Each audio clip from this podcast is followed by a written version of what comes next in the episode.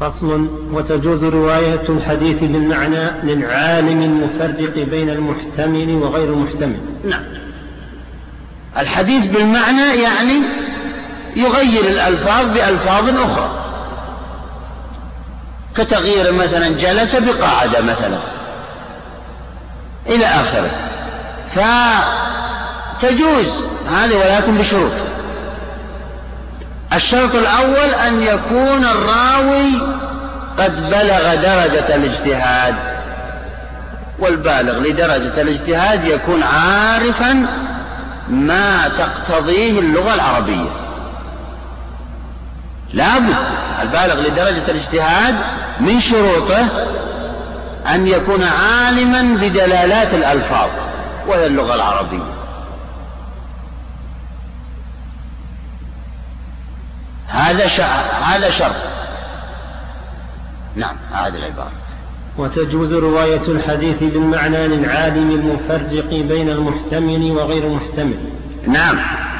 بمعنى أن, الع... أن... أن الذي بلغ درجة الاجتهاد يعرف دلالات الألفاظ والفروق بين الألفاظ.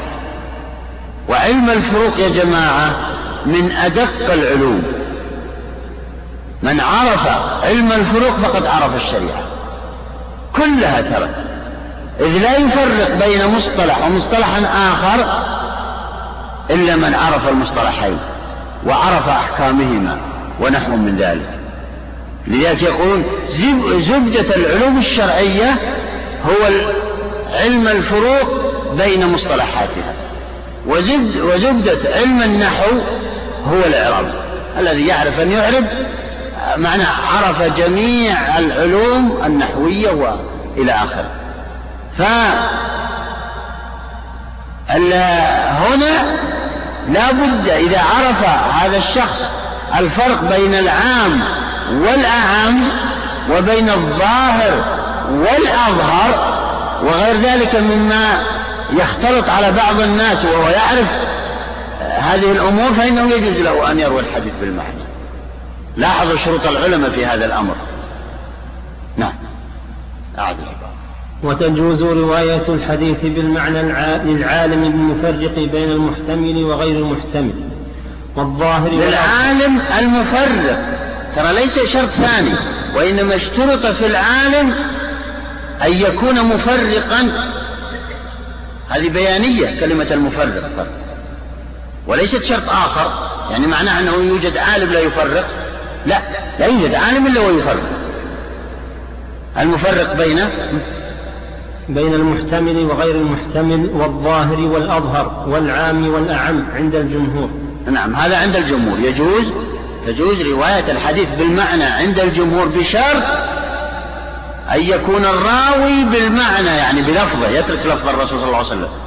ويروي طبعا القرآن لا يجوز أن يقرأ إلا باللفظ الذي نزل به وهذا معروف يتعبد بتلاوته. لكن السنة يجوز أن يجوز للشخص أن يروي الحديث بالمعنى بلفظه هو. ولكن بشرط أن يكون عالما بالفروق بين دلالات الألفاظ. بدقة. نعم. نعم. حتى الحديث القدسي. يجوز الرواية بالمعنى للعالم على بالغ درجة الاجتهاد. حديث قدسي معروف. نعم. فيبدل لفظا مكان لفظ فيما لا يختلف الناس فيه. كالألفاظ المترادفة. مثل القعود والجلوس والصب والإراقة والحظر والتحريم والمعرفة والعلم وسائر ما لا يشك فيه ولا يتطرق إليه الاستنباط والفهم. أي نعم. يعني هنا مثل الأشياء المترادفة. وهذا التمثيل فيه نظر. إذ العلم والمعرفة آه، فرق العلماء بينهما.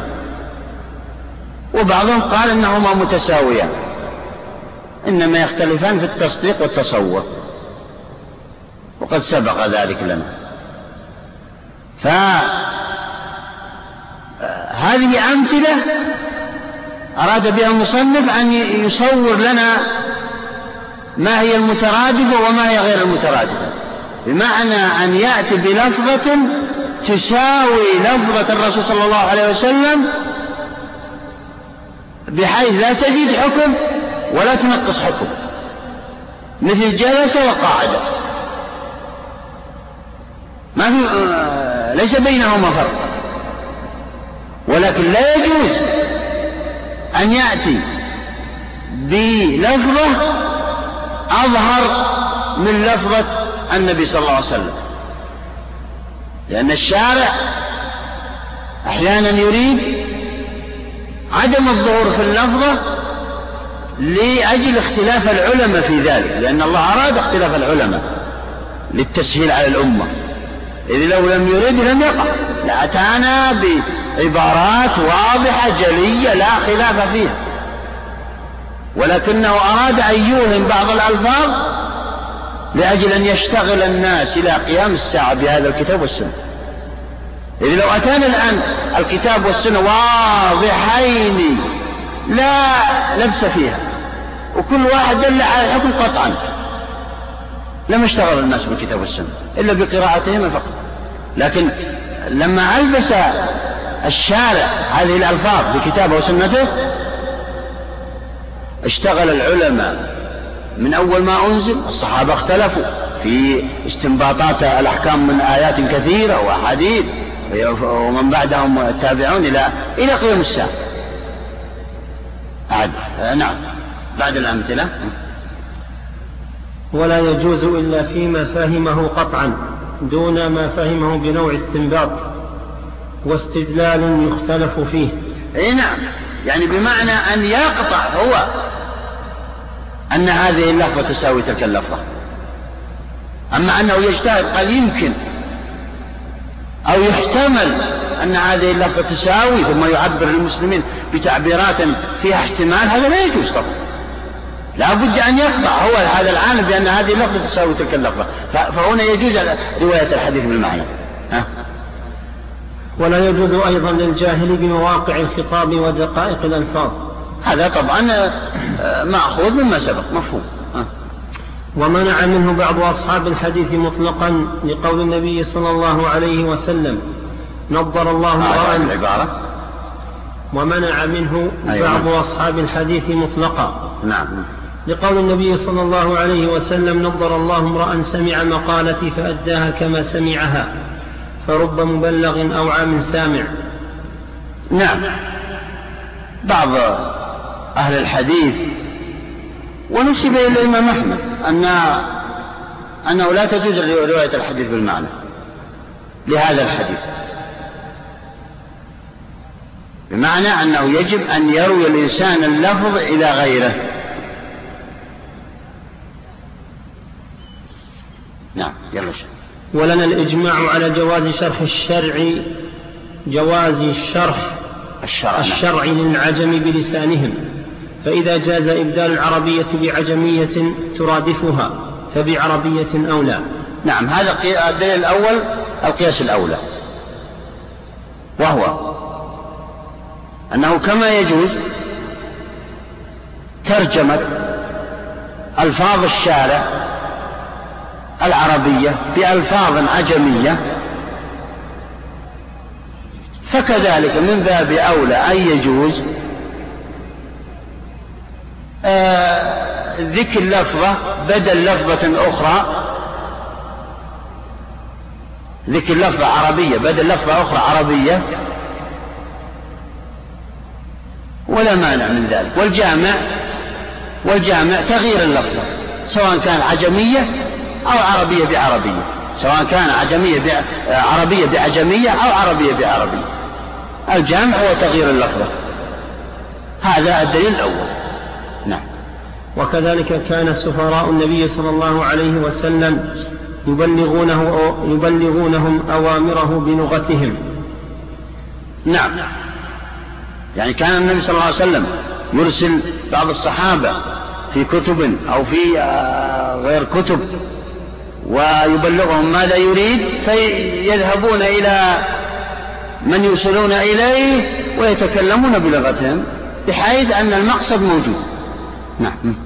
وهذا لأن نعلم أنه لا تعبد في اللفظ وإنما المقصود فهم المعنى وإيصاله إلى الخلق. نعم. هذا دليل ثالث. وهو هنا المصلحة تقتضي. المصلحة تقتضي أن الدليل ترى الدليل الأول القياس والثاني إقرار السنة التقريرية لو لم يأتي به قبل هذا. السنة التقريرية والثالث المصلحة وهو أن المقصود بالشريعة كلها هو إيصال هذه الأحكام إلى الخلق. وقد تصل إليهم بألفاظ الشارع وقد تصل إليهم بألفاظ بألفاظ أخرى. فدفعا للمفسدة وجلبا للمصلحة جاز أن تستبدل لفظة بلفظة أخرى. نعم.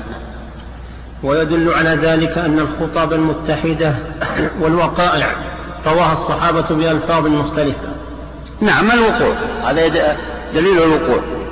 وهو أن الرسول صلى الله عليه وسلم خطب بخطب كثيرة. خطب كثيرة في أيام الجمعة وغير ذلك. وكان الصحابة يروون هذه الخطب بألفاظ مختلفة. لم يتفقوا على الألفاظ. كل يروي بلفظه بعضهم اختصر وبعضهم أطال إلى آخره. نعم باقي شيء؟ ولأن الشهادة آكد من الرواية. ولو سم ولو سمع الشا ولو سمع الشاهد شاهدا يشهد بالعجمية. جاز أن يشهد على شهادته بالعربية. كثير باقي؟ نعم. نقف على هذا نقف على هذا على أساس أن الأذان وبعدين هذا يريد الجواب عن كلام بعض الفقهاء. نعم. صلى الله نبينا محمد. يحكي يحكي الحديث بلفظه هو إذا بشرط وهو شرط أساسي إذا كان قد بلغ درجة الاجتهاد. والذي بلغ درجة الاجتهاد له شروط كثيرة منها معرفته للغة العربية واشتقاقات الكلمة والمترادفات والمتشابهات من الألفاظ. فلا يأتي بلفظ غير اللفظ الذي عبر به الشارع إنما يأتي بلفظ مقرب للمعنى ممكن هذا. هذا هو الشرط الأساسي. نحن وقفنا فيما سبق على أدلة القائلين بأنه يجوز يجوز رواية الحديث بالمعنى. فقال المصنف نعم. بسم الله الرحمن الرحيم. الحمد لله رب العالمين والصلاة والسلام على نبينا محمد وعلى آله وصحبه أجمعين. قال الإمام ابن قدامة رحمه الله تعالى في كتاب الروضة. في كتاب الروضة. روضة الناظر. على أساس يعني توثيق نعم. المعلومة عند المسجلين نعم. نعيد شوية يعني عشان يتصل لا لا الدليل من أول الدليل. ولنا الإجماع على جواز شرح الشرع للعجم بلسانهم. فإذا جاز هذا الذي وقفنا عليه؟ لا لا إحنا وقفنا على ولأن الشهادة آكد من الرواية. ولو سمع الشاهد شاهدا يشهد بالعجمية جاز أن يشهد على شهادته بالعربية. نعم هذا هذا من الأدلة على أن على جواز رواية الحديث بالمعنى.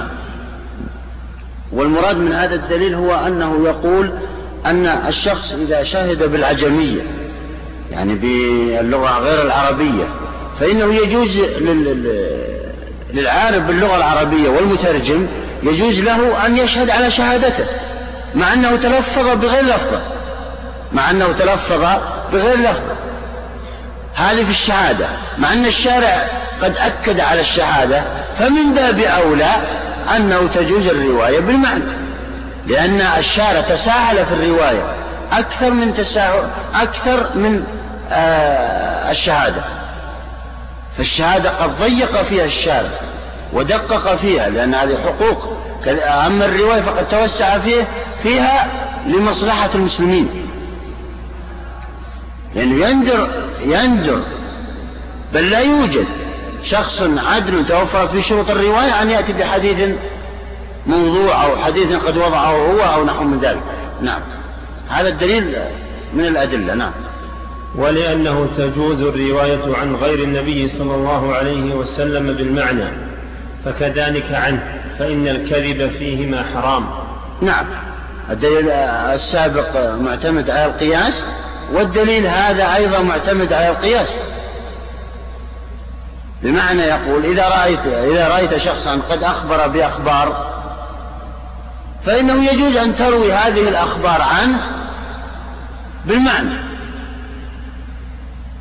تقرأ الخبر الموجود في الجريدة مثلا وت يعني يمكن هذه الجريدة يمكن تكلمت عن الخبر بعشرين سطر. أنت توجزه بسطرين. زبدة الخبر. ما دام أن هذا يجوز يجوز في الإخبار عن النبي صلى الله عليه وسلم. ولا فرق. والجامع السماع في كله. فهذا لا فرق بينهم من حيث العقل يعني. نعم. والحديث حجة لنا لأنه ذكر الحديث الذي ذكره بعض الظاهرية الذين منعوا رواية الحديث بالمعنى. ما هو؟ رحم الله امرأ نظر الله امرأ أو نظر الله نعم. فأداها كما سمعها فرب مبلغ أوعى من سامع. أين يقول أن هذا الحديث لا يدل على عدم الجواز بل يدل على الجواز على جواز رواية الحديث بالمعنى. كيف؟ قال. والحديث حجة لنا لأنه ذكر العلة وهو اختلاف الناس في الفقه والفهم. ونحن لا نجوزه لغير من يفهم. نعم. هو الآن الحديث ما مراده؟ نص نظر الله أمرأ حفظ الحديث بالمعنى يعني حفظ الحديث فأداه كما حفظه إلى من يفهمه. ونحن نشترط في رواية الحديث بالمعنى أن يكون الراوي فاهما للشريعة. وهذا شرط أساسي لرواية الحديث بالمعنى. يعني لم نطلق لأي إنسان طالب علم أو نحو من ذلك أنه يروي الحديث بالمعنى. لو كان حافظ القرآن أو السنة. إنما الذي بلغ درجة الاجتهاد هو الذي يجوز له أن يروي الحديث بالمعنى. فأوعى من سامع يعني كلمة أوعى يعني أفقه أفهم. قد يسمع الحديث بعض الصحابة أو بعض التابعين لكن لا يفقهه لا يفهمه لا يأخذ منه آه، معان كثيرة. في فيسمعه آخر ولو كان في آخر الزمان فيأتي بمعان كثيرة يفيد هذا الحديث. نعم. قوله. لأنه ذكر العلة وهو اختلاف الناس في الفقه والفهم. نعم معروف يعني. اختلاف الناس ذكروا في الحديث. لما قال أوعى من سامع يعني بعضهم أفهم وبعضهم فهم وسط وبعضهم لا يفهم شيء. حتى أن بعض الصحابة يقسمون إلى قسمين فقهاء وغير فقهاء. بعض العلماء يقسمون الصحابة إلى قسمين. منهم العبادلة والخلفاء الأربعة وأمهات المؤمنين فقهاء. هؤلاء. نعم. يلا شو. جواب آخر. أن من روى بالمعنى فقد روى كما سمع ولهذا لا يعد كذبا. نعم. يقولون الحديث لنا أو حجة لنا من وجهين. الوجه الثاني أننا لا نجيز أننا لا نجيز الرواية بالمعنى إلا من فهم والحديث واضح في هذا. الوجه الأول. الوجه الثاني ها؟ اقرأ. أن من روى بالمعنى فقد روى كما سمع ولهذا لا يعد كذبا. نعم. من روى بالمعنى وهو قد بلغ درجة الاجتهاد روى كما سمع ما أتى بجديد. لا يزيد ولا ينقص يبدل كلمة اجلس بكلمة اقعد. لا فرق بينهما بينهما في المقصود. نعم. إنما يأتي بها بعبارة آه، يفهمها الوسط أو المجتمع. لأن كل مجتمع له مفاهيم. فمثلا الحديث أتى بكلمة الغضنفر. الغضنفر في مجتمع لا يعرفون ما هو الغضنفر. فيأتي بكلمة مرادفة لها ويقول ال ال ال ال ال الأسد. وهكذا. نعم. قال أبو الخطاب رحمه الله ولا يجوز أن يبدي لفظا بأظهر منه لأن الشارع ربما قصد إيصال الحكم باللفظ الجلي تارة وبالخفي أخرى. أي نعم هذا شرط. ذكره جمهور العلماء وليس آه، فقط أبو الخطاب. وهو ألا يأتي الشخص بلفظة أوضح وأجلى وأقطع من لفظة الشارع. إذا كانت لفظة الشارع تحتمل يأتي بلفظة تحتمل. فمثلا حديث رواه بعض الصحابة صلى رسول الله صلى الله عليه وسلم العشاء بعد الشفق بعد مغيب الشفق. ما هو الشفق؟ الشفق له معنيين. إما الحمرة أو البياض يقصد تقصد به العرب. لا يأتي من روى بالمعنى ويقول صلى رسول الله صلى الله عليه وسلم صلاة العشاء بعد مغيب الحمرة. هذا ليس بفقه إذا قال هذا. لماذا؟ لأنه حمل اللفظ على معنى واحد فقط. قطع بها والشارع أراد أراد هذه اللفظة المحتملة ترى. لأجل أن يختلف العلماء فيها واختلافهم رحمة في هذا. فلا يجوز له أن يأتي بعبارة أو يعني أقطع من العبارة التي عبر بها الشارع. يعني لا تدل على معنى واحد. هذا لا يجوز. إنما يأتي بعبارة مرادفة سواء كانت محتملة أو غير محتملة يأتي بها نفسه. نعم يلا شو. فصل مراسيل أصحاب النبي صلى الله عليه وسلم مقبولة عند الجمهور. نعم. وشد قوم فقالوا لا يقبل مرسل الصحابي. هذا طبعا قول المصنف مقبولة عند الجمهور فيه تساهل وإلا أجمع العلماء على هذا. إنما المخالف ترى شاذ والشاذ لا رأي له. مثل مخالفة مثلا هذه المخالفة هنا كمخالفة النظام وابن عليا وأبو بكر الأصم في حجية الإجماع. هؤلاء لا يؤخذ برأيهم. لأن هذه مسألة واضحة جلية. مراسيل الصحابة يعني أصل عظيم من أصول الشريعة كالإجماع. فأجمع العلماء المعتد بقولهم بقولهم على أن مرسل الصحابي يقبل. ما هو مرسل الصحابي؟ أن يقول صحابي لم يسمع النبي صلى الله عليه وسلم لم يسمع الحديث من النبي صلى الله عليه وسلم قال النبي صلى الله عليه وسلم. فإذا استكشف قال أنا ما سمعت النبي صلى الله عليه وسلم إنما سمعت فلان يقول ذلك. فهذه مراسيلهم هذه المرسل.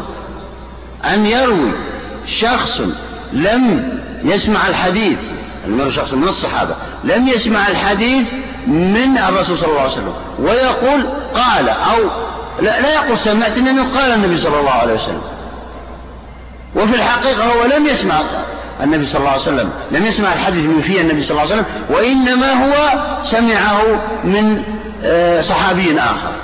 هذا أجمع العلماء على أنه حجة ويقبل ويعمل به. نعم. وشد قوم فقالوا لا يقبل مرسل الصحابي إلا إذا إلا إذا عرف بصريح خبره أو بعادته أنه لا يروي إلا عن صحابي لأنه قد يروي عمن لم يثبت لنا صحبته. أي نعم هم قالوا لا آه، آه، آه، مرسل الصحابي لا يقبل مطلقا وإنما يقبل بشرط.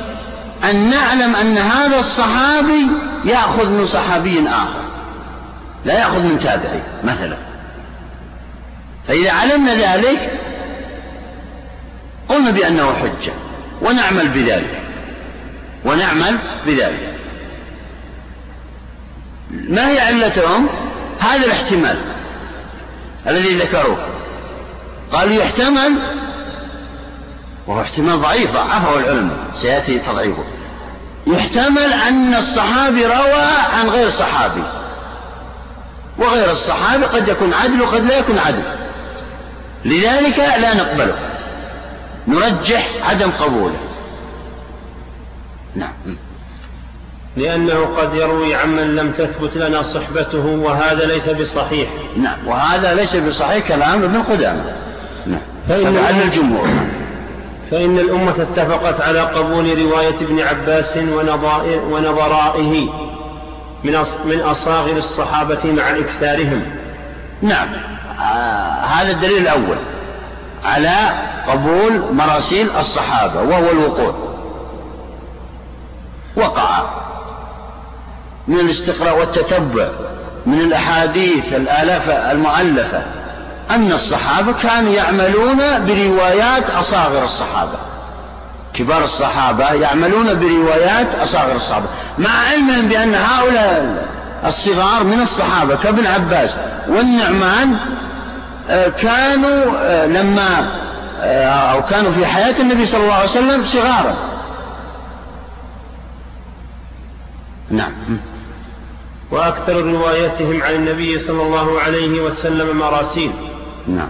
قال البراء بن عازب رضي الله عنه ما كل ما حدثناكم به عن رسول الله صلى الله عليه وسلم سمعناه منه غير أنا لا نكذب. أي نعم.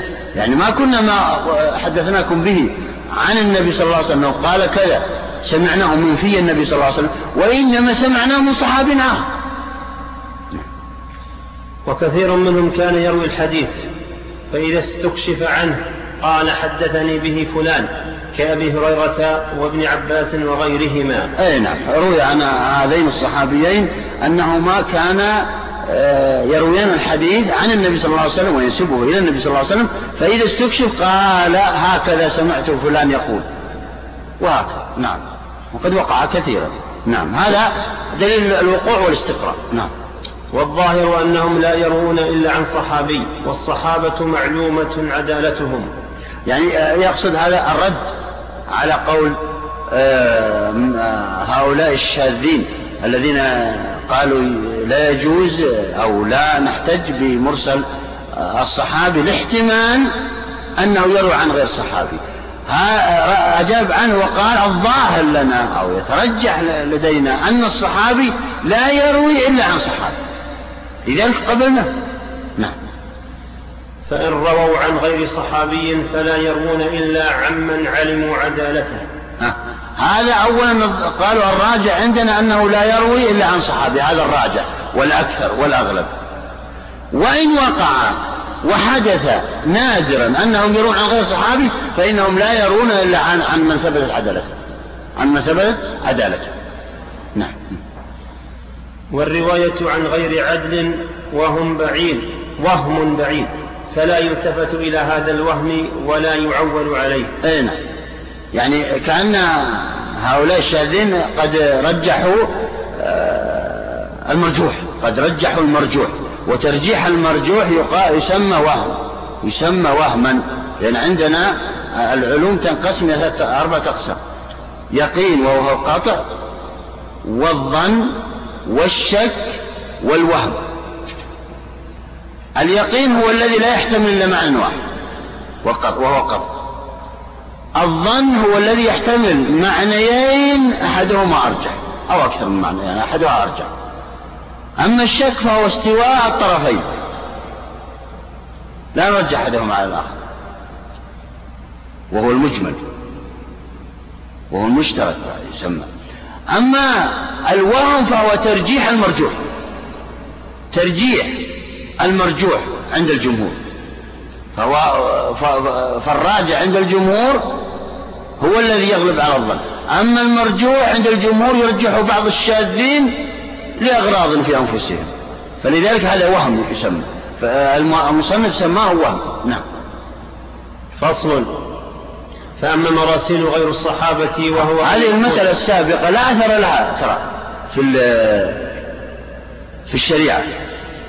فلم نجد أحدا رد آه، مرسل الصحابي أبدا. وقال إنه مرسل صحابي لا يحتج به. لم يرد هذا. لذلك آه، قلت في أول المسألة أن المسألة مجمع عليها. نعم. فصل فأما مراسيل غير الصحابة وهو أن يقول قال النبي صلى الله عليه وسلم ناتي إلى مرسل غير الصحابي. وهم التابعون ومن بعدهم. يأتي التابع ويقول قال صلى الله عليه وسلم كذا. نعم. فأما مراسيل غير الصحابة وهو أن أو أو يقول قائل لم يرى أبا هريرة أو لم يرى آه أنس قال أنس أن النبي صلى الله عليه وسلم يقول كذا. هو لم يراه ولم يسمعه هذا أيضا مرسل غير صحابي. نعم. وهو أن يقول قال النبي صلى الله عليه وسلم من لم يعاصره من لم يعاصره أو يقول قال أبو هريرة من لم يدركه نعم. ففيها روايتان. إحداهما تقبل اختارها القاضي. نعم. يعني روي عن الإمام أحمد أن أنها تقبل وهذا رأي الجمهور. أنها تقبل وهو رأي الجمهور. آه، مرسل غير الصحابي مقبول. مطلقا. نعم. وهو مذهب مالك وأبي حنيفة وجماعة من المتكلمين. نعم.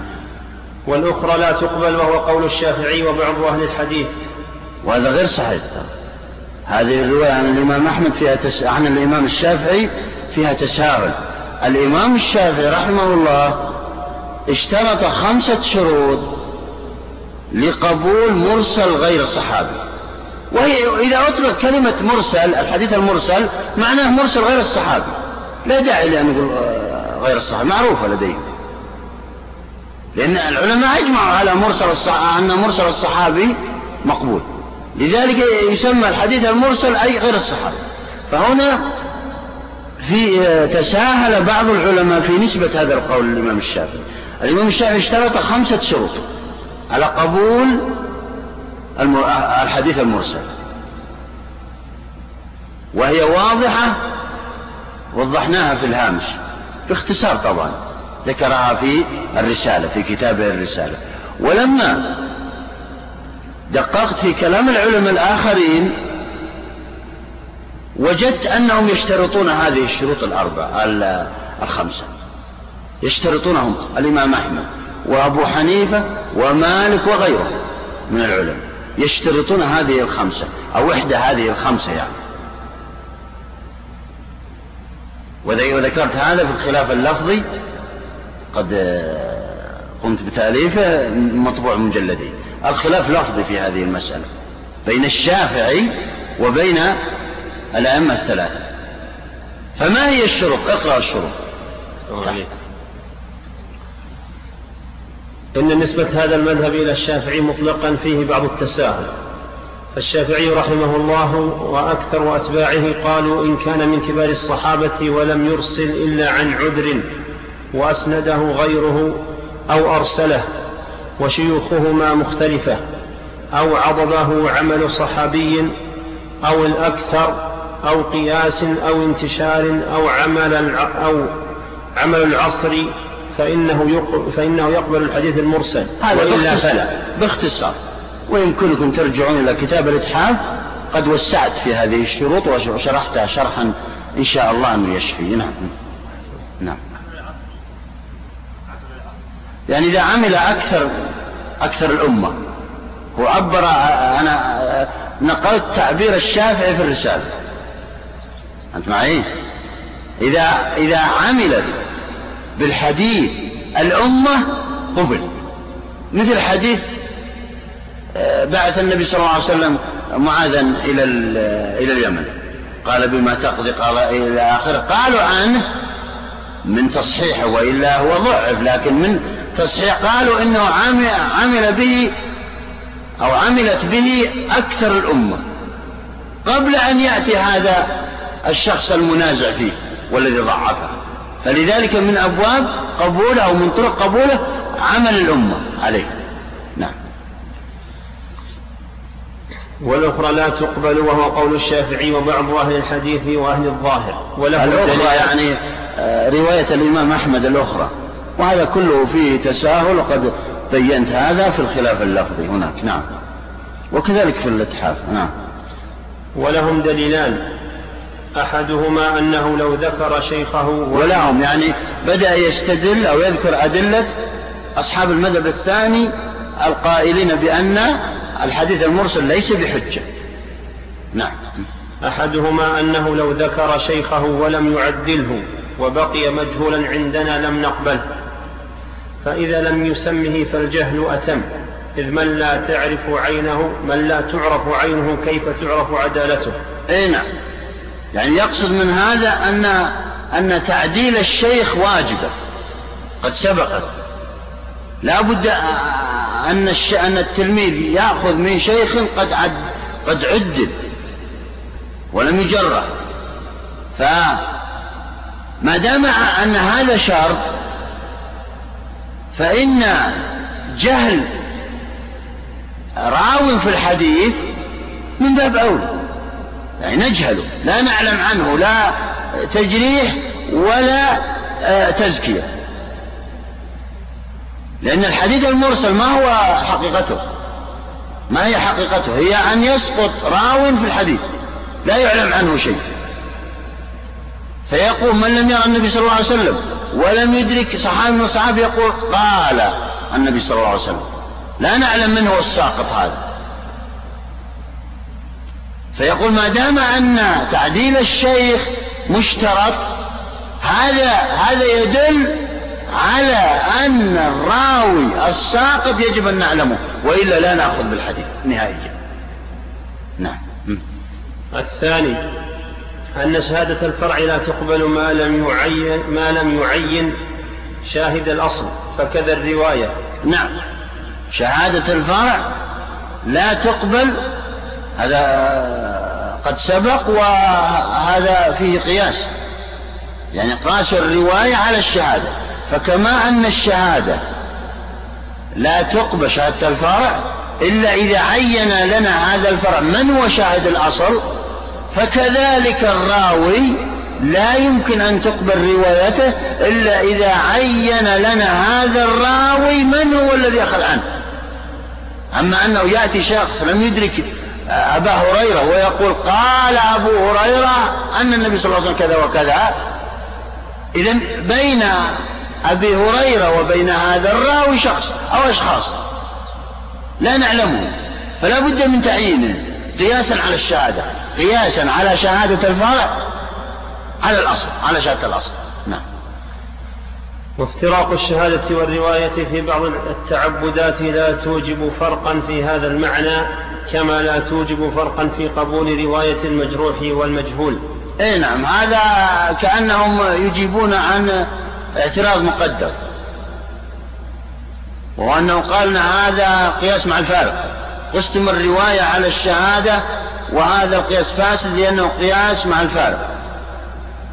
ووجه الفارق كما ذكر المصنف أنه أن أنكم تفرقون بينهما في أمور كثيرة ولكن هنا لا يفرق بينهما كأنه يقول المصنف أصحاب المذهب الثاني كأنهم يقول هذا الكلام. يقول آه، لا شك أن بينهما فرق بين الشهادة والرواية لكن في هذا الموضع لا يمكنكم أن تفرقون فقياسنا صحيح. هذا قصده وسيأتي الرد على هذا. نعم. ووجه الرواية الأولى. يعني المذهب الأول وهو مذهب الجمهور على أن مرسل المرسل آه، حجة مطلقا ها. أن الظاهر من العدل الثقة. أن الظاهر من العدل الثقة أنه لا يستجيز أن يخبر عن النبي صلى الله عليه وسلم بقول ويجزم به إلا بعد أن يعلم ثقة ناقله وعدالته. نعم. آه انتبهوا ترى كل هذه المسائل التي نحن فيها الآن والتي قبلها كلها متفرعة عن شروط الراوي هناك. فشروط الراوي المتفق عليها أربعة. هناك التكليف والعدالة وإيش؟ الإسلام. والثقة أو الضبط. هذه الشروط الأربعة تفرعت عنها هذه المسائل. يقول الجمهور إذا كان هذا الراوي قد توفرت فيه شروط الرواية الأربعة فإننا نقبل روايته سواء وصل الحديث اتصل السند يعني عن فلان عن فلان إلى النبي صلى الله عليه وسلم أو لم يتصل. المهم أن هذه الشروط متوفرة في هذا الراوي. ومن أهمها العدالة والثقة. فإذا كان الشخص عدلا ثقة. فإنه فإن نقبل روايته. سواء وصل الحديث اتصل الحديث عنده أم لم يتصل. ما لنا دخل في هذا. إحنا نحن لنا دخل في هذا. لو يأتينا شخص لذلك يقولون لو يأتينا شخص لم تتوفر فيه تلك الشروط أو تخلف عنه واحد منها. فإننا واتصل الحديث فإننا لا نقبل روايته. لو جاء شخص وقال زيد وقال عن فلان عن فلان إلى أن وصل إلى هذا فإننا لا نقبل حتى لو ذكر شخصا لم لم تتوفر فيه شروط الراوي لا نقبل روايته أيضا. فالمعيار ما هو إذن؟ شروط الراوي. نعم. هذا كلام الجمهور. نعم.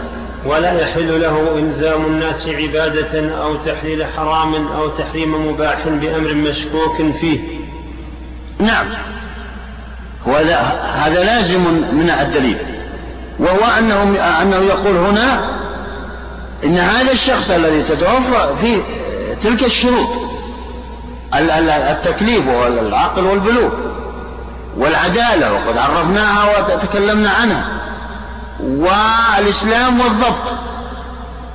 لا يمكن أن يحل لنفسه أن يروي لنا حديثا في عبادات أو معاملات أو غير ذلك من الفروع الفقهية وهو شاك فيه. مستحيل هذا.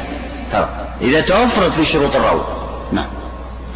فيظهر أن عدالته مستقرة عنده فهو بمنزلة قوله أخبرني فلان وهو ثقة عدل. أي نعم.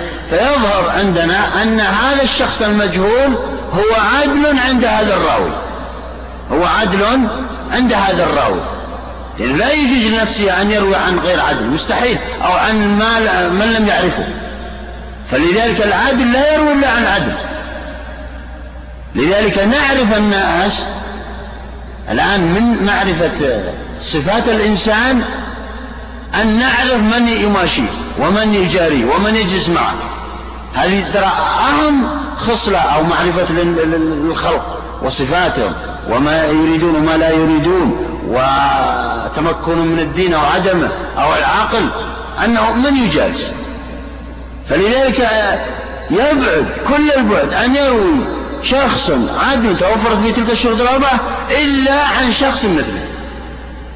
نعم. يعني كأن المصنف أو الجمهور يقول هذه عادة الناس وعرفهم. نعم. ولو شك في الحديث ذكر من حدثه لتكون العهدة عليه دونه. وهذا أيضا ثابت من الاستقراء والتتبع.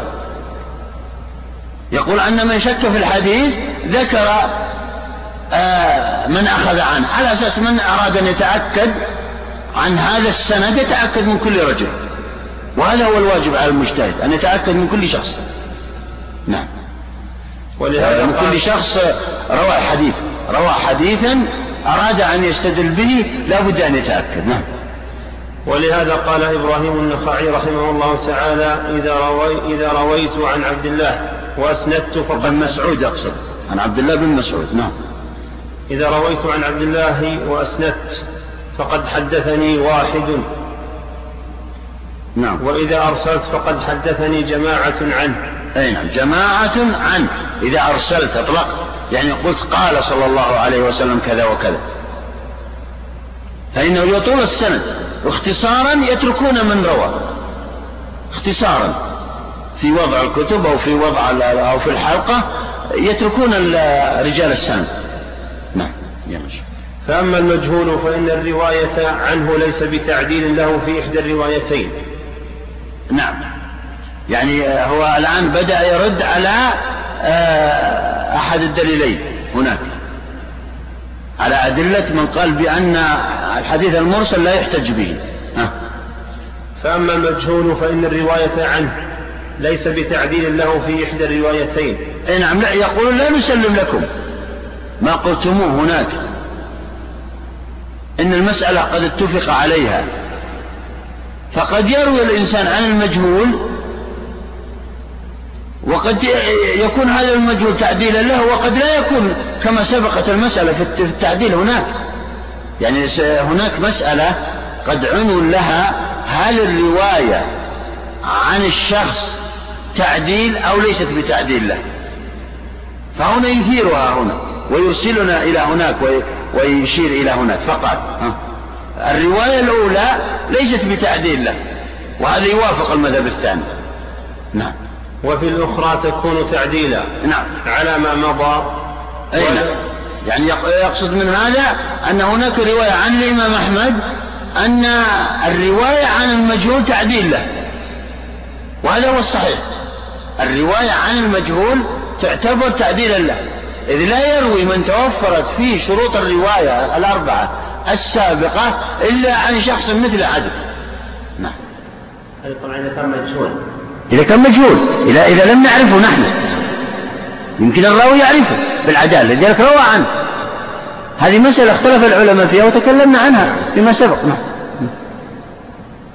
قال وفي الأخرى تكون تعديلا على ما مضى ولا كذلك ها هنا. على ما مضى يقصد آه، هناك في آه، باب التعديل والتجريح. ذكرناه هناك. نعم. والرواية تفارق الشهادة في أمور كثيرة. نعم. أما الدليل الثاني الآن بدأ يرد على الدليل الثاني. وهو قياسهم آه، شهادة الفرع قياسهم الرواية على شهادة الفرع. يقول إن هذا القياس فاسد لأنه قياس مع الفارق. ووجه الفرق بين الشهادة والرواية ما يلي أولا. والرواية تفارق الشهادة تفارق الشهادة في أمور كثيرة. منها اللفظ والمجلس منها اللفظ. واحدة واحدة. فالشهادة ينبغي أن يتلفظ بلفظ يعني شاهد الفارع يجب عليه أن يأتي بلفظ شاهد الأصل. وإلا ما تصح شهادته. باللفظ نفسه. بخلاف الحديث فإنه يجوز الرواية يجوز فيها الرواية بالمعنى كما سبقت المسألة. نعم. والمجلس. وكذلك المجلس ينبغي على شاهد الفرع أن يقول إن شاهد الأصل وهو زيد مثلا إنه في مجلس كذا قال كذا وكذا ينقل نفس القضية والواقع بتفاصيلها. أما الحديث فلا يلزمه ذلك الرواية يعني. فإنه يروي الحديث بدون ذكر المجلس الذي ذكره له أبو هريرة أو النبي صلى الله عليه وسلم أو غيرهم من من إما النبي صلى الله عليه وسلم رأسا أو من من روى عنه. لا يشترط ذكر المجلس. نعم. والعدد. كذلك العدد. الشهادة يشترط فيها العدد. معروف. لابد من اثنين. لكن الرواية لا يشترط فيها العدد. فيكفي فتكفي رواية واحد توفرت فيه شروط الراوي السابق نعم. والذكورية. كذلك. الشهادة لابد من من توفر اشتراط الذكورية. كون الشاهد ذكرا. إذا كان واحدا إذا كان واحد لابد أن يكون ذكر أما الرواية فلا يشترط. فتروي على هذه المرأة. ولو ولو كانت واحدة. عندنا أحاديث المئات رواتها عائشة. وحفصة وأمهات المؤمنين جميعا نعم. والعجز عن شهود الأصل والحرية عند والعجز هذا هذه العبارة. والعجز عن شهود الأصل والحرية عندهم. نعم. والع... هذه العبارة بعض بعد الذكورية العجز. نعم نعم. والعجز عن شهود الأصل. أي نعم. هذا يشترط في الشهادة. يعني شاهد الفرع لا يشهد. إلا إذا لم يوجد شاهد الأصل. شاهد الفرع لا يجوز له أن يشهد بأي طريقة من الطرق إلا إذا عجز القاضي أن يحضر شاهد الأصل. أما الرواية لا تكفي يكفي أن, يش... أن... أن... أن الراوي لو روى عن شيخ ولو كان قريبا يجوز له أن يرويه ولو كان حيا أو قريبا ويقدر أن يسمع القاضي من هذا الراوي. أو من الشيخ إذا كان حيا أو كذا. لا يشترط هذا الشرط ولو كان حيا. فالتلميذ يروي عن شيخه الحديث وإن استطاع بعضهم أن يحضر هذا الشيء لا يحضر لأجل الرواية. أما الشاهد لا لابد من حضور شاهد الأصل نعم. والحرية عندهم. والحرية. اشترط آه بعض العلماء من أصحاب المذهب الثاني أن الشاهد لا بد أن يكون حرا. لا بد أن يكون العبد لا يشهد عنده. أما الرواية فيجوز بالعبد أن يروي الحديث. لا تشترط الحرية فيه. نعم. وأنه لا يجوز لشهود الفرع الشهادة حتى تحملهم إياها شهود الأصل. أي نعم. يعني لا يجوز لزيد شاهد الفرع أن يشهد أن عمرا قال كذا يشهد عليه أو يشهد يعني ينقل شهادة نقلا إلا إذا سمع عمرو له ويقول انقل شهادتي هكذا. أما الراوي فلا يشترط فيه ذلك. أما الراوي فلا فيجوز أن أن يروي الحديث الذي رواه وأخذه عن شيخه بدون إذن شيخه. بدون أن يسمح له. نعم. فيقول اشهدوا على شهادتنا. هذا هذا قصده في شهادة الأصل. نعم. والرواية بخلاف هذا. يعني والرواية بخلاف هذه الأمور السابقة. نعم. فجاز اختلافهما في هذا الحكم أيضا. نعم. فكذلك لاحظ القياس. يقول ما دام أن الشهادة والرواية تختلفان بهذه المسائل الكثيرة فكذلك تختلفان هنا فلا يجوز قياس الرواية على الشهادة هنا في هذا الموضع. نعم يلا شوف فصل ويقبل خبر الواحد فيما تعم به وهذا وهذا هذه المسألة لها أثر في الفروع الفقهية كثيرة في هذا. وأكثر من يتوسع في الحديث المرسل الحنفية مشهورون في هذا. وشروط الإمام الشافعي اشترطها أكثر العلماء. نعم. فصل ويقبل خبر الواحد فيما تعم به البلوى كرفع اليدين في الصلاة. أي نعم. هناك أحكام تعم بها البلوى يعني بمعنى أكثر الناس يعملون بها في يومهم وليلتهم. هذا معنى ما تعم به البلوى. باختصار. وهو ما يعملون به في طهاراتهم وعباداتهم ومعاملاتهم في يومهم وليلتهم. مثل رفع اليدين في الصلاة. مثل ما ينقض الوضوء أو ينقض. أو نحو من ذلك. فالجمهور عندهم أن خبر الواحد هذا الواحد الذي توفرت فيه شروط الراوي الأربعة السابقة هذه الرواية تقبل سواء كان فيما تعم به البلوى أو لا وسواء كان في باب العبادة والمعاملة أو لا. ما يفرقون بين أخبار الآحاد نعم. إذا بالشرط السابق وهو توفر شروط الراوي الأربعة. نعم. ويقبل خبر الواحد فيما تعم به البلوى كرفع اليدين في الصلاة ومس الذكر ونحوه في قول الجمهور. نعم. هذا مذهب الجمهور. مس الذكر هل ينقض الوضوء أو لا؟ اختلف العلماء في هذه المسألة ولهم تفصيلات هناك.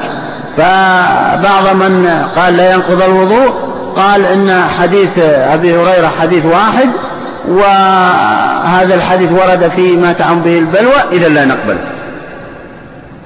وهو بعض الحنفية. قالوا لا نقبل. لأنه حديث روي فيما تعم به البلوى مثل هذه المسألة. نعم. هم لا يردون حديث. حديث الواحد أو خبر الواحد لا يردونه مطلقا. إنما بشرط أن يكون في مسألة تعم بها البلوى. بعض الحنفية. نعم. سيأتينا أثر هذا. نعم. سيأتينا سيأتينا. نعم. وقال أكثر الحنفية لا يقبل نعم. لأن ما تعم به البلوى كخروج النجاسة من السبيلين يوجد كثيرا وتنتقض الطهارة به. فلا يحل للنبي صلى الله عليه وسلم ألا يشيع حكمه. إذ يؤدي إلى أخفاء الشريعة وإبطال صلاة الخلق فتجب الإشاعة فيه ثم تتوافر الدواعي على نقله فكيف يخفى فكيف يخفي حكمه والتوقف روايته على الواحد؟ وتقف أي نعم. روايته على الواحد. أي نعم. هنا يستدلون بدليل عندهم قد توسعوا فيه وهو سد الذرائع. هذا دليلهم وهو قولهم هنا وهو معنى كلامهم هذا. وهو أنهم قالوا إن ما تعم به البلوى. آه، يعم الخاص والعام من المسلمين في يومهم وليلتهم. فلا بد من بيانه وتوضيحه بأحاديث متواترة. لا شك فيها. فمن الواجبات الشرعية على النبي صلى الله عليه وسلم أن يظهر هذا الحديث. هذه الأحاديث تعم به البلوى على جماعة تقوم الحجة بهم. لا, لا, لا يرويها لواحد. فلذلك ما ما جاءنا من الأحاديث الأحادية فيما تعم به البلوى لا تقبل. لأن مثل هذه الأمور يؤكد الشارع على أنها مهمة جدا والمهم في الشريعة آه، بعد استقراءنا وتتبعنا هذا كلامهم. بعد استقراءنا وتتبعنا للشريعة أنه يرويه أكثر من واحد وليس واحدا فلذلك لا نقبله. أعد العبارة آه، دليلهم. وقال أكثر الحنفية لا يقبل لأن ما تعم به البلوى كخروج النجاسة من السبيلين يوجد كثيرا. وتنتقض الطهارة به فلا يحل للنبي صلى الله عليه وسلم ألا يشيع حكمه. الذي يؤدي إلى أخطاء الشريعة وإبطال صلاة الخلق. وإبطال صلاة الخلق. يعني هذا يضر بمصالحهم يؤدي. نعم. فتجب الإشاعة فيه ثم تتوافر الدواعي على نقله. فكيف يخفي يخفي ولا يخفى؟ فكيف يخفي؟ ها؟ فكيف يخفي حكمه وتقف روايته على الواحد؟ نعم. يعني كأنهم توصلوا في دليلهم إلى إلى أن الشارع لا يمكن أن يخفي حكما من الأحكام بروايته. قد حتى أنه قالوا في دليلهم الآخر قد يكون المصنف لم يذكره ذكر عبد العزيز البخاري الظاهر في كشف الأسرار في دليلهم الآخر أن هذا قد يموت هذا الراوي لوحده. الذي روى هذا الحديث قد يموت. فينتهي هذا الخبر ولا يعمل به. فلذلك المهم في الشريعة يروى عن طريق التواتر لا يروى عن طريق الوحي. هذا كلامه وهذا ما آه، يعني يفيده. سيأتي الرد عليه إن شاء الله. نعم. ولنا أن الصحابة رضي الله عنهم قبلوا خبر عائشة في الغسل من الجماع بدون الإنزال وخبر رافع. ولنا دليلهم الأول الوقوع. قالوا أبدا. الصحابة رضوان الله أجمع الصحابة السكوتي وهو أنهم أن الصحابة رضوان الله عليهم قد إيه؟ جم قبلوا جميع الأخبار آه التي فيها بلوى من من آحاد الصحابة وعملوا بها ولم يتردد واحد من الصحابة في العمل بها منها كما ذكر المصنف. قال فقبلوا خبر عائشة في الغسل من الجماع بدون الإنزال وخبر رافع بن خديجة إذا التقى يقصدون إذا التقى الختانان فقد وجب الغسل. نعم ذكره بالمعنى المصنف نعم. وخبر رافع بن خديجة في المخابرة. وخبر رافع. في حديث المخابرة كما قال بعض الصحابة كنا نخابر أربعين سنة فلما أخبرنا رافع أن النبي صلى الله عليه وسلم نهى عن المخابرة انتهينا. فهذا خبر عن رافع. المخابرة ما هي؟ هي أن يأتي صاحب الأصل في الأرض أو في المزرعة يقول لشخص آخر ازرعها بربع. ثمرها. هذه المخابرة وهي جائزة عند كثير من العلماء لأنهم قدحوا في هذا الحديث. وقد ذكر المصنف تفاصيل آه، وقد ذكر المصنف في المغني آه، تفاصيل هذه المسألة. نعم. ولأن الراوي عدل جازم بالرواية وصدقه ممكن فلا يجوز تكذيبه مع إمكان تصديقه. نعم. هذا الدليل الثاني الأول إجماع الصحابة. الثاني أن هذا الراوي الذي روى هذا الحديث فيما تعم به البلوى قد توفرت في شروط الراوي. فينبغي أن نقبل ولا يوجد مانع من قبوله. نعم. ولأن ما تعم به البلوى لأنه التلازم. هذا دليل التلازم يلزم من توفر شروط الراوي في هذا الشخص أن نقبل روايته. في حين أن أنه لا يمكن رده. لا توجد أي علة في رده. وهذا عام في جميع الأحاديث سواء ما تعم به البلوى أو لا. نعم. ولأن ما تعم به البلوى يثبت بالقياس والقياس مستنبط من الخبر وفرع له. أي نعم. قاسوا الآن دليلهم الثالث القياس. وهو قياس خبر الواحد على القياس. قالوا كما أن أننا نقبل الأحكام التي وصلنا إليها عن طريق القياس فيما تعم به البلوى فكذلك نقبل خبر الواحد ولا فرق بل إن قبول خبر الواحد فيما تعم به البلوى أولى لأنه أصل القياس. النص أصل القياس. إذا قاسوا شيئا على شيء في نجاسة أي شيء قاسوا مثلا لما بال الأعرابي في في أرض المسجد. فأمر النبي صلى الله عليه وسلم بدلو من الماء فأهرق عليه وطهر. قاسوا عليه الفرش هنا. إذا أريق ماء على النجاسة فإنه يطهر. على إذا أزيلت طبعا عين النجاسة فإنه يطهر بدون بدون أن يكلف الشارع أن تؤخذ هذه الفرشة كلها. لأن فيها مشقة. فهذا يقول فيما تعم به البلوى وثبت بالقياس. كيف تأخذون به؟ ولا تأخذون بخبر الواحد الأخذ بخبر الواحد أولى. نعم. فلأن يثبت بالخبر الذي هو أصل أولى. أي نعم. يعني بمعنى أن هذا قياس من قياس قياس أولى. ما هو قياس الأولى؟ أن يكون الفرع أولى بالحكم من الأصل. مثل قياس الضرب على التأفيف في مسألة الوالدين. قالوا إذا كان محرم مجرد التأفيف والتضجر عن الوالدين أو على الوالدين فأنه يحرم الضرب والشتم أولى من تحريم الضرب آه، التأفيف فكذلك هنا. نعم. وما ذكروه يبطل بالوتر والقهقهة وخروج النجاسة من غير السبيل. أي نعم. كأن هذا نقض عليهم يعني كلامكم منقوض.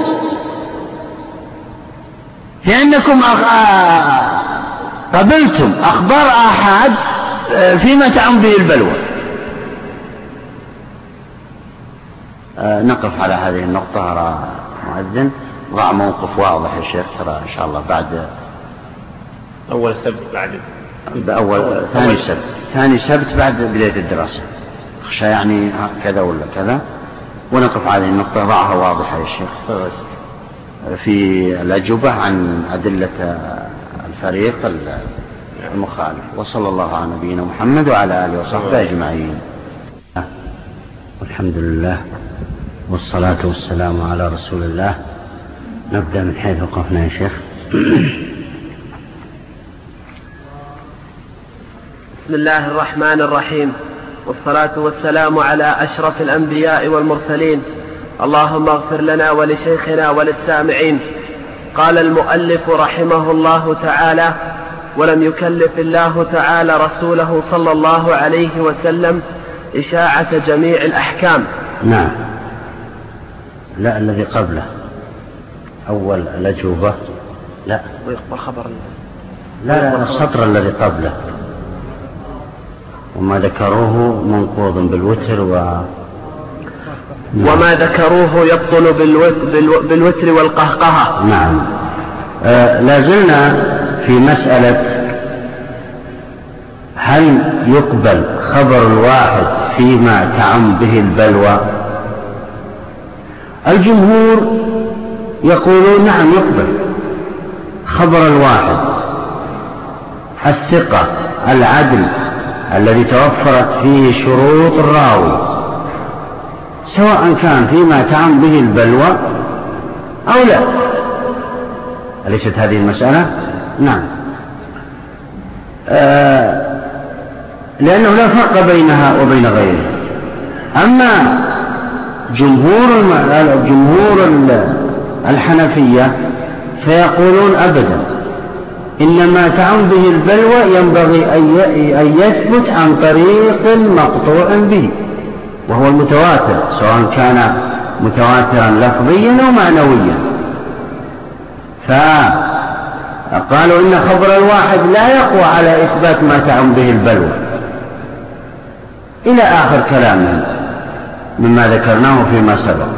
الجمهور ردوا عليهم بأن بقولهم إن قولكم هذا منقوض عليكم. وقد فعلتم مثل ما فعلنا في مسألة الوتر. فقد أوجبتم الوتر بخبر الواحد لأن الوتر اختلف العلماء هل هو واجب أو مندوب؟ الجمهور قالوا إنه مندوب إليه. سنة نازلة مؤكدة. لكن الحنفي يقول إنه واجب.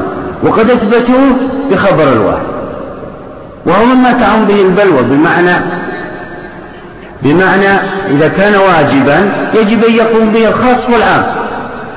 العالم وغيره. عام. للجميع. فينبغي على على أصلكم على قاعدتكم ألا يثبت إلا بشيء مقطوع به. وأنتم أثبتوه بخبر الواحد. وإن زعمتم أنكم أثبتوه بالمشهور فالمشهور من الواحد. عندنا. كذلك القهقه أنه ناقض للوضوء ومبطل للصلاة في داخل الصلاة. أثبتوا بخبر الواحد.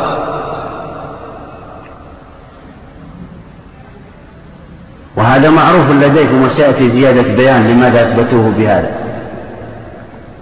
ثم أيضا وخروج النجاسة من غير السبيل. أي نعم وخروج النجاسة من غير السبيلين.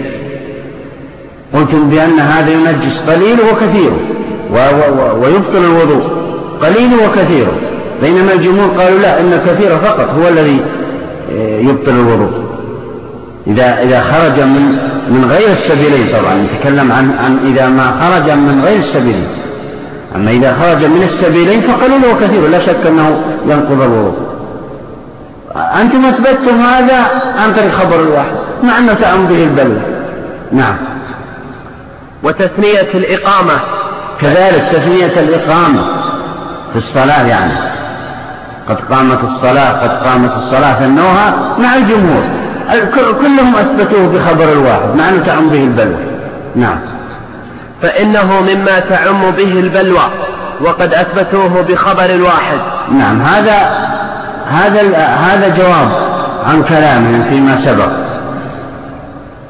وهو أنهم يقول من ما تعم به البلوى لا يثبت عن طريق خبر الواحد نقول لهم أنتم خالفتم قاعدتكم. فقد أثبتتم خبر أثبتتم الوتر وخارج من غير السبيل النجاسة التنجيس فيما خرج من غير السبيلين. وغيره مما ذكرناه والقهقه والسادة للصلاة والوضوء بخبر الواحد. مع أن به البلوى هذه المسائل إذا ناقشتوا أنفسكم. فإما أن تقولوا مثل قولنا وإما أن تجيبوا عن هذا الكلام الذي ناقضنا ناقضتم أنفسكم فيه. والمناقضة من الأمور المهمة في نقض الأدلة ترى. الخصم إذا أراد أن يخصم آه، يعني آه، مناظرة فينبغي أن يأتي له بما بشيء ينقض ما تكلم به.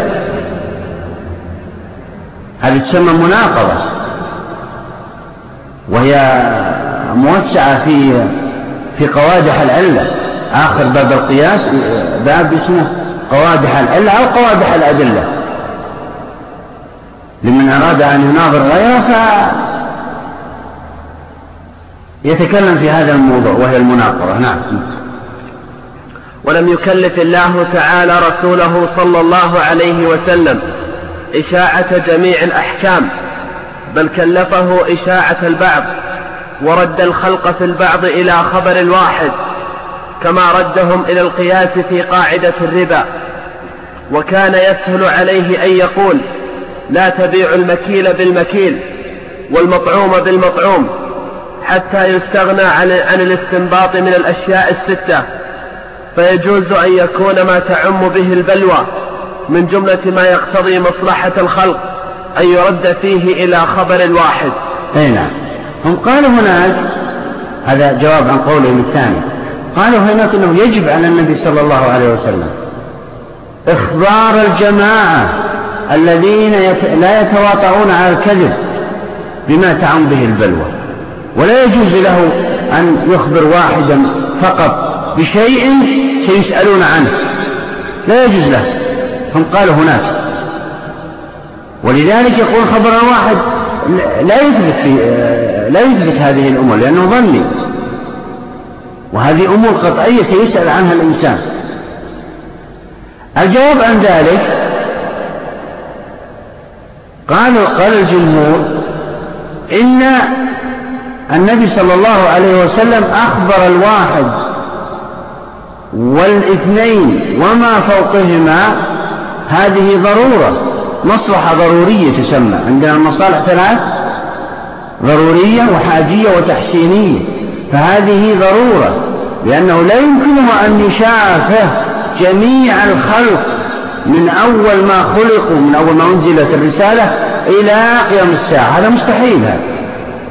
ومستحيل أن يجمع جميع الصحابة أمامه ويخبرهم بشيء نزل أو بشيء ناسخ أو بشيء منسوخ. هذا أيضا مستحيل لأنه فيه قطع لمعيشة الناس قطع لأرزاقهم في هذا الوقت في, في ذلك الوقت. فالضرورة اقتضت أن يخبر واحدا لا يشك في دينه ثابت العدالة والثقة والصحابة كما سبق كلهم عدول عدلهم الله عز وجل وعدلهم الرسول صلى الله عليه وسلم. فلا يشك في واحد منهم. فلذلك اضطر إلى إخبار واحد أو اثنين أو ما تقوم به الحجة. ثم أيدوا هذا بالقياس. لما جاء حديث عبادة بن الصامت في الأشياء الستة الذهب بالذهب والفضة بالفضة والبر بالبر والشعير بالشعير إلى آخره. آه ذكر أشياء ستة. أو نقول في المطعومات أربعة.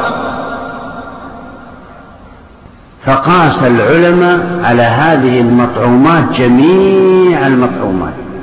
قاس العلماء الأرز والذرة وجميع ما يستطعم به الإنسان ويغذيه على البر في عدم جواز الربا في ذلك. طبعا هو المنصوص عليه البر والشعير والتمر والعقل فهنا آه والملح. فهنا العلماء الجمهور قاسوا على البر الذرة والأرز في عدم جواز الربا فيها. بجامع أن كل منهما مطعوم. أن كل منهما مطعوم. قال هنا المجيب إن الشارع قد أسندنا في تحريم الربا في الأرز والذرة وغيرها من المطعومات إلى القياس مع أنه مظنون مع أنه تعم به البلوى. فمن باب أولى أن إيه؟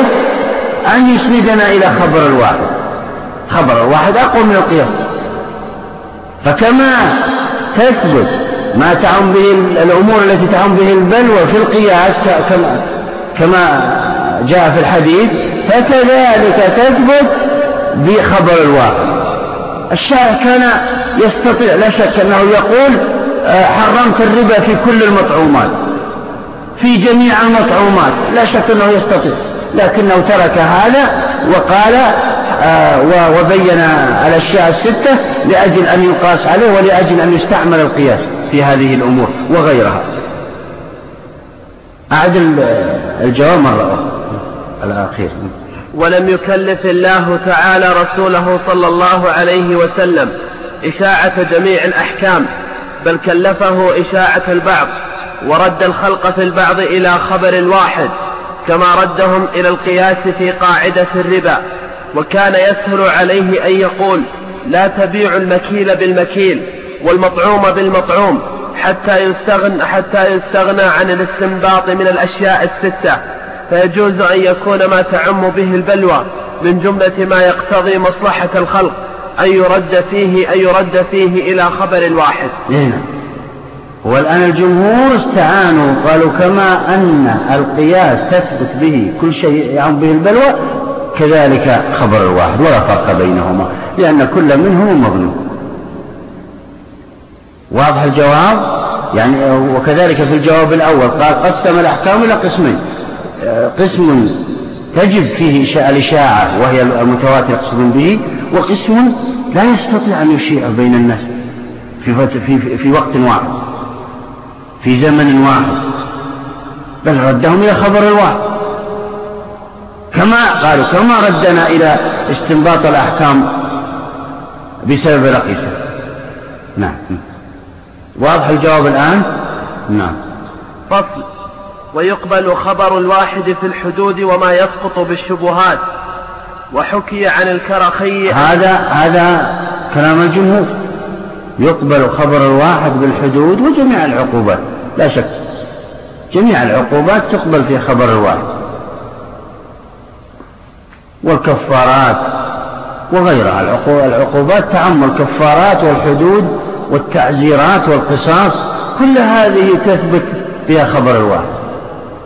يعني بمعنى يثبتها يثبتها خبر الواحد. يعني بمعنى ما معنى هذا الكلام؟ يعني إذا جاءنا خبر واحد فيه فيه نوع فيه حد فيه كفارة فيه نقبله. إذا كان الراوي توفرت في شروط آه، الرواية. لا فرق بينها وبين غيرها من الفروع الفقهية. في العبادات في المعاملات كذلك الحدود. نعم. وقال الكرخي وهذا من علماء الحنفية كابن تيمية بالنسبة للحنابلة؟ نعم. وحكي عن الكرخي أنه لا يقبل لأنه, مض... لأنه أنه لا يقبل لأنه مظنون فيكون ذلك شبهة. نعم. حكي كلمة حكي ترى فيها تضعيف بمعنى أن الكاتب المؤلف يعني ابن قدامة أو من نقل عنه كتاب الغزالي حكي هذه بمعنى أن الغزالي أو ابن قدامة لا يصدقان أن يأتي هذا الرأي من من من عالم جليل كالكرخي هذا كلمة حكية تنبئ عن هذا.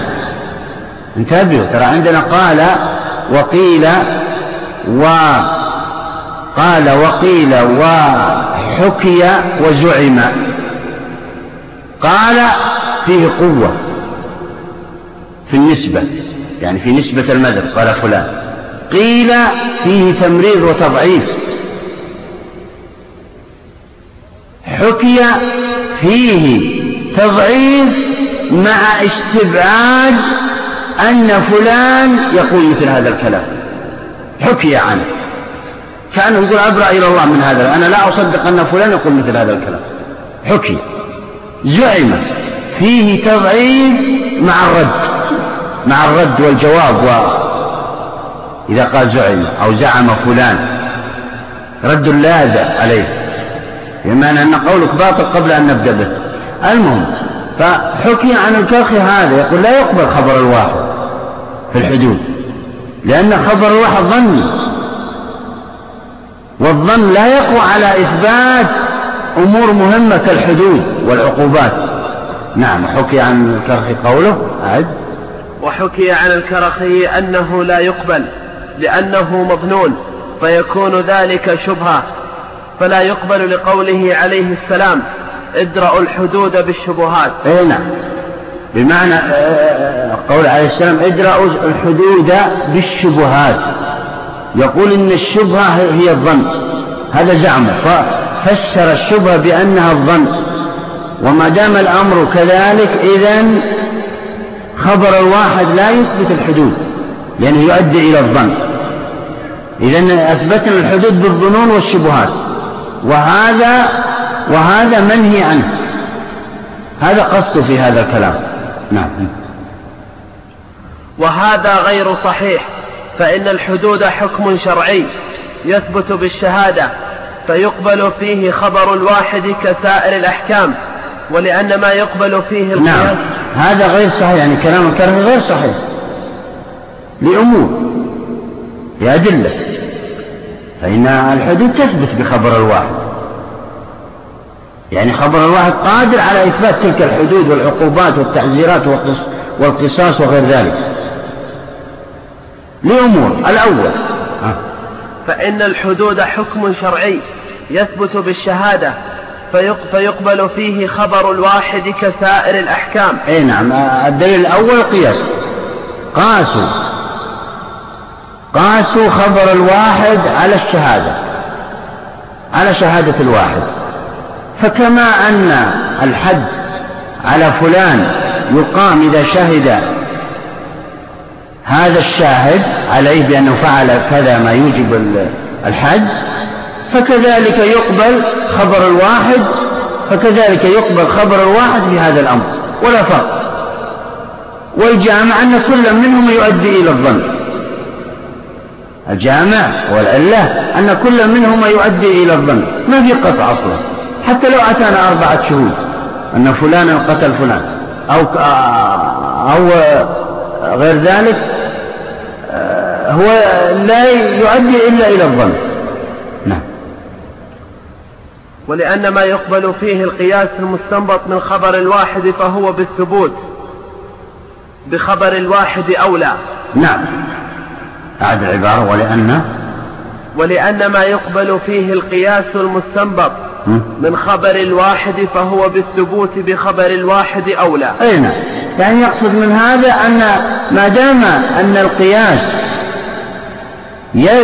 تثبت به الحدود والقياس أصلا ثابت أصل القياس ثابت بأدلة منها أخبار الآحاد. يعني بمعنى أن أخبار الآحاد أثبتت القياس. مع أنه قاعدة أصولية. والقياس تثبت به الحدود ولي كتيب في هذا اسمه إثبات العقوبات بالقياس. بهذا العنوان إثبات العقوبات بالقياس. وهي الحدود والقصاص والتعزيرات والكفارات تثبت بالقياس. فإذا كانت الحدود مطبوع منذ سنوات. فإذا كانت الحدود تثبت بالقياس والقياس ثابت عن طريق النص أصلا فمن باب أولى أن تثبت الحدود بالخبر الواحد. لأنه أصلا القياس مأخوذ منه. يعني أصل القياس قاعدة القياس مأخوذة من خبر الواحد. حديث معاذ خبر واحد وغيره من الأحاديث التي أثبتت القياس. أجتهد رأيي ولا آل والقياس رأي فيدخل في هذا الحديث. نعم سيأتينا إن شاء الله. أعد العبارة حتى تكون ولأن ما يقبل فيه القياس المستنبط من خبر الواحد فهو بالثبوت بخبر الواحد أولى. واضح العبارة؟ يا نمشي. وما ذكروه يبطل بالشهادة والقياس فإنهما مظنونان. نعم وما ذكروه يعني ما ذكره الكرخي ومن يقصد منقوص. بما ذكرناه. من القياس القياس لا يثبت إلا ظن يعني بمعنى لا يدل إلا على حكم ظني. كذلك الشهادة لا تدل إلا حكم حكم ظني. ما في قطع بالشهادة. يعني يغلب على الظن أن فلانا قد قتل فلانا. فيحكم بهذه الطريقة. وما دام أنهما القياس يعني والشهادة ظنيان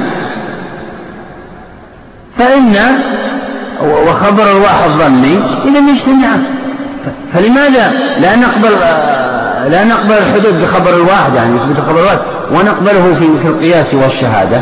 هذا تفريق بين متماثلات. وما ذكروه؟ وما ذكروه يبطل بالشهادة والقياس. نعم. فإنهما مظنونان ويقبلان في الحدود. نعم. فخبر الواحد أولى ترى. يعني هذا قياس يسمى قياس أولى. ما دام أن الحدود جميع العقوبات تثبت بالقياس وبالشهادات شهادة يعني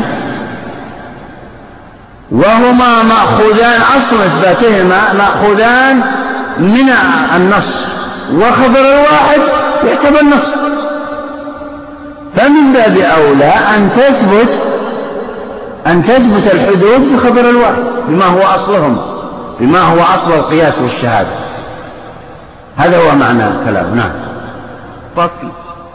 ويقبل خبر الواحد فيما يخالف القياس. نعم هذا كلام الجمهور.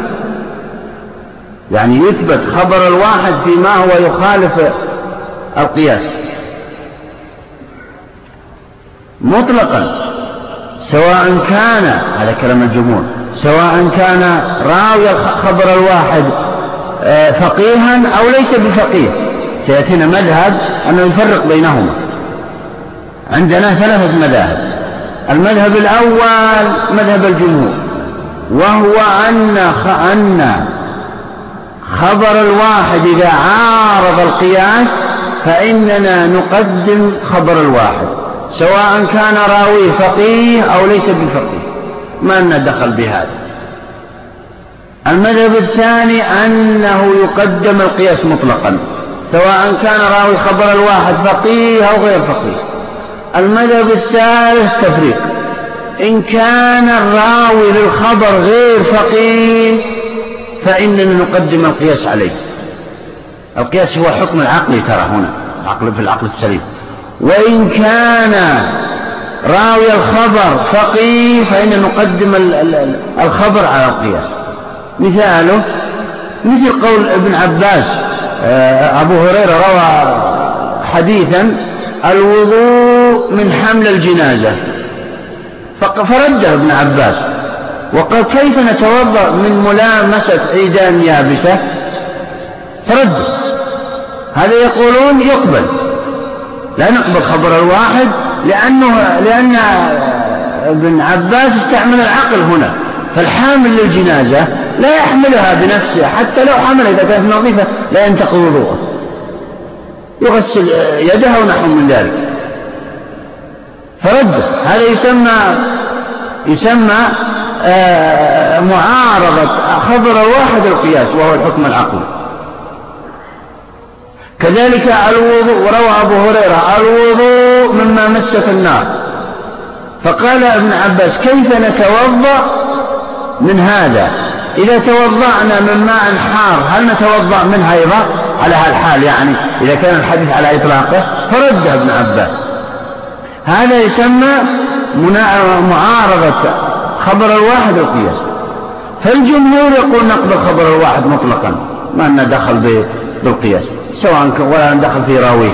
إذا كان الراوي قد ثبتت عدالته وثبته وضبطه وإسلامه وتكليفه. نعم. هذا رأي الجمهور نعم. هذه العبارة.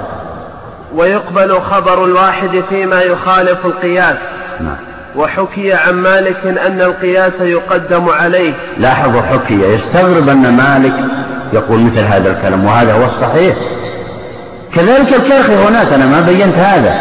ترى ظلم في تلك في تلك العبارة. وهو أن أن أن خبر الواحد أن خبر الواحد لا يثبت حدود. له روايات ثلاث ذكرها الحنفية عنه. آه، الكرخي وهنا كذلك. الإمام مالك الرواية الصحيحة أنه مع الجمهور. يقدم خبر الواحد على القياس سواء كان راوي خبر الواحد فقيها أو غير فقيه. لذلك عبر هنا مصنف بأنه حكي يعني كأنه يستبعد أن الإمام مالك يقول مثل هذا الكلام.